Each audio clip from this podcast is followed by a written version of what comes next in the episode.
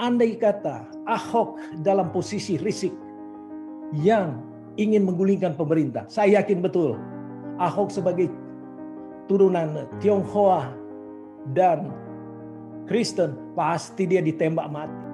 Kalau mereka boleh-boleh saja Waloni dan sebangsanya dan juga risik ini bukan hanya menghina agama, kita semua sudah tahu, ingin menghancurkan pemerintahan Indonesia.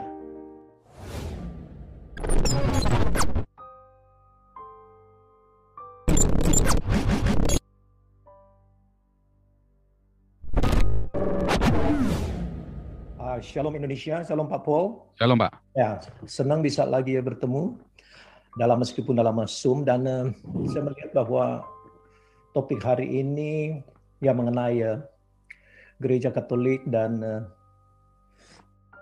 uh, masih mungkin berkaitan dengan Anis dan Risik. Saya kira ini yang kita uh, uh, fokus Pak, karena ya kita ingin sekali melihat ada perubahan di Indonesia melalui uh, perjuangan-perjuangan yang ada melalui channel ini karena ya benar tadi apa yang disampaikan oleh Ibu uh, Najwa di mana ya kita harus uh, mungkin membentuk suatu uh, kesatuan yang memperjuangkan semuanya ini dan kedua ya memang kita harus bersuara.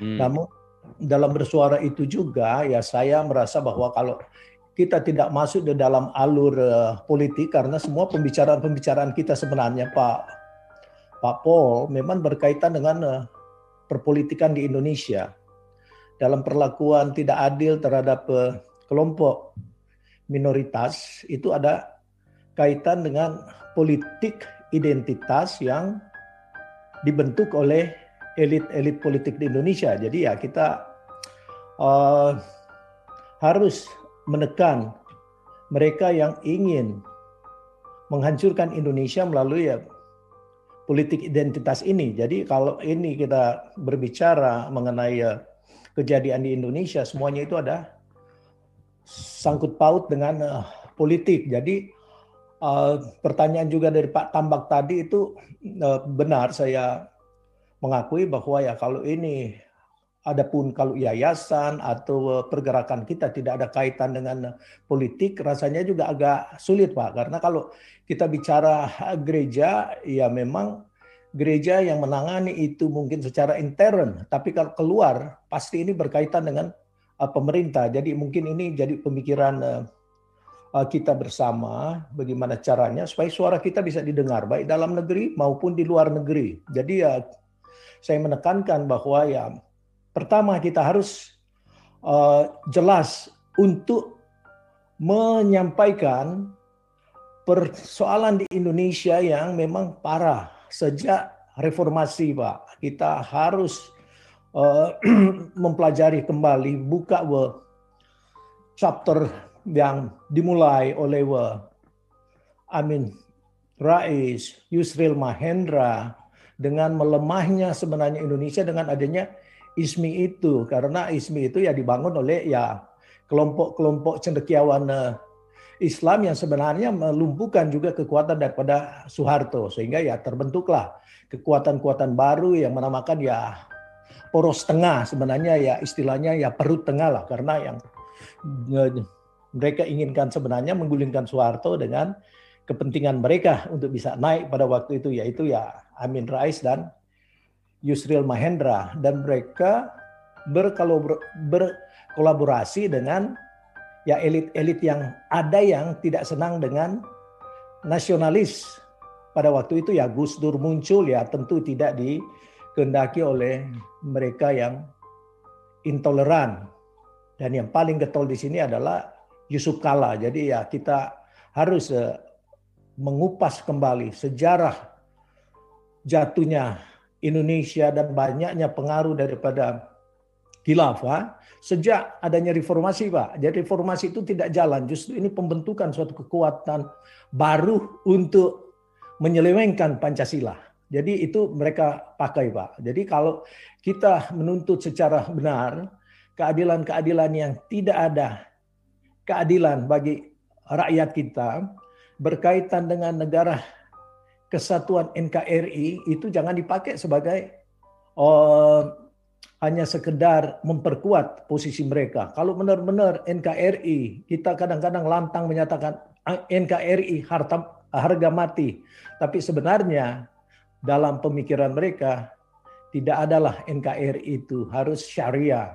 Jadi kita juga harus eh, jelik dan memperjuangkan khususnya elit-elit politik ini supaya mereka itu harus dituntut. Dan sekarang yang ada kan pembentukan-pembentukan eh, kekuatan eh, baru. Jadi dengan me, ya dengan menekan orang-orang minoritas supaya tidak banyak muncul di dalam permukaan perpolitikan dan mereka membentuk ya itulah partai-partai yang slogannya semuanya itu adalah partai agama.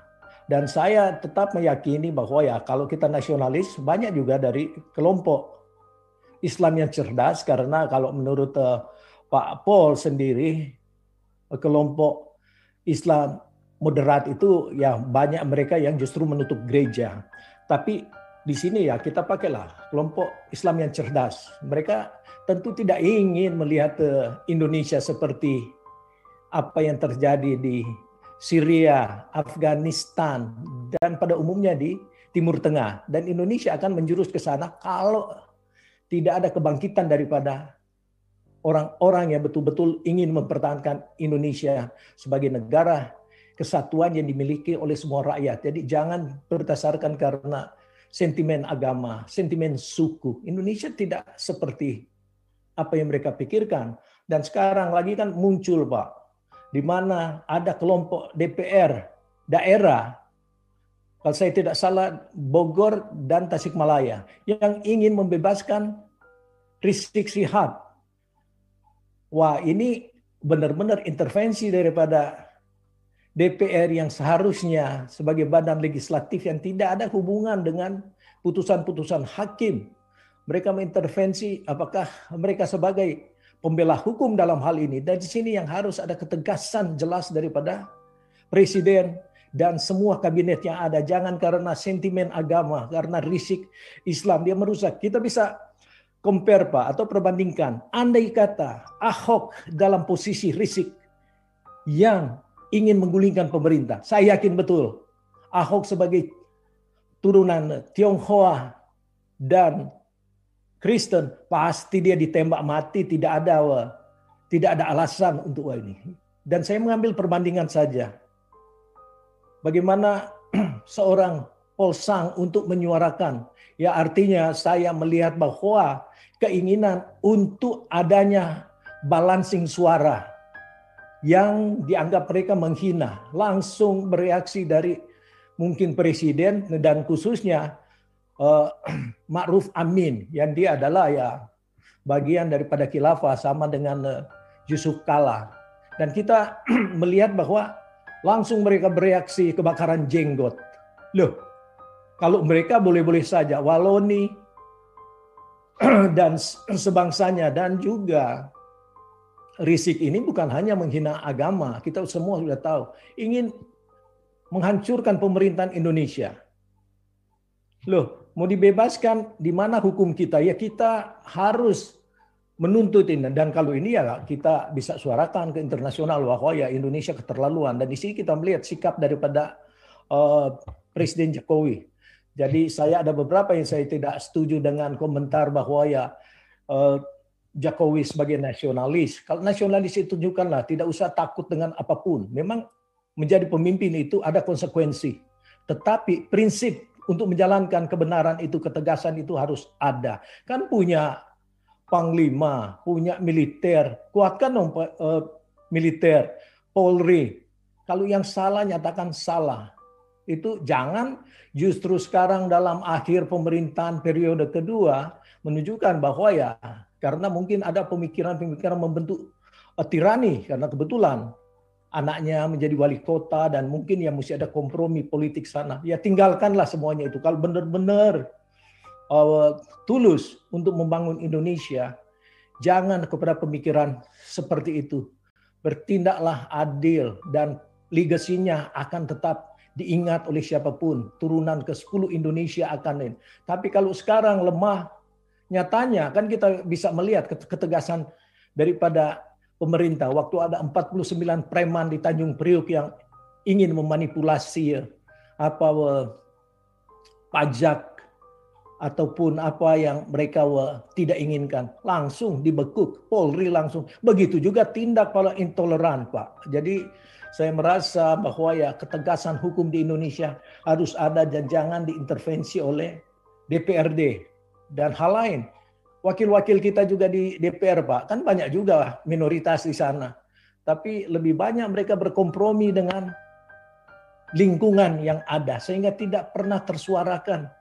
Gereja dibakar, gereja ditutup, orang-orang Kristen disiksa. Nggak ada mana DPR. Mereka hanya duduk di dalam pemerintahan untuk ya mendapatkan fasilitas yang nyaman dan aman. Tidak dipikirkan tujuan mereka sebenarnya adalah mewakili rakyat yang susah.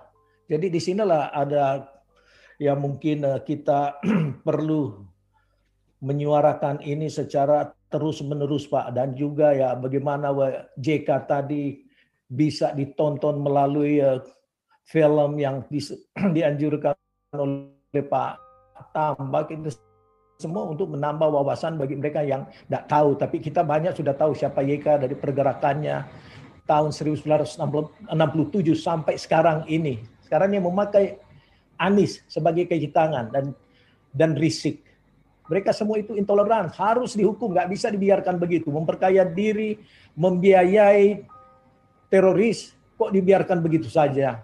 Cuman karena ya Islam menakut-nakutin, sama dengan dia sampaikan untuk Ahok, menelpon Prabowo, dan juga PKS yang adalah partai ya, sama dengan Hamas itu Pak. Akan bahaya Indonesia kalau Ahok menang. Dan juga kenapa mesti bahaya? Ahok itu bukan ingin menghancurkan Indonesia. Tapi ini adalah statement provokasi untuk mendahului supaya ketakutan. Dan kedua dia ingin juga untuk menekan orang-orang yang ingin membangun Indonesia. Jadi dia sama sekali anti anti Indonesia sebenarnya. Jadi kalau anti Indonesia ya seharusnya keluar dari Indonesia ya. Mungkin baiknya ya uh, bersatu dengan kawan-kawan intoleran atau jihad di Yaman, Pak. Jadi jangan justru Indonesia dipakai. Mereka mendapatkan segala keuntungan, membuat bisnis, keluarga yang nyaman, tapi merusak Indonesia ini aneh. Jadi ya saya pikir uh, channel ini kita pakai untuk memperjuangkan keadilan hukum di Indonesia, Pak. Kita tidak melihat ini hanya untuk eh, kita, tapi alangkah baiknya juga kalau mereka yang dianggap eh, minoritas bersatu. Saya yakin ini kuat, Pak. Terima kasih.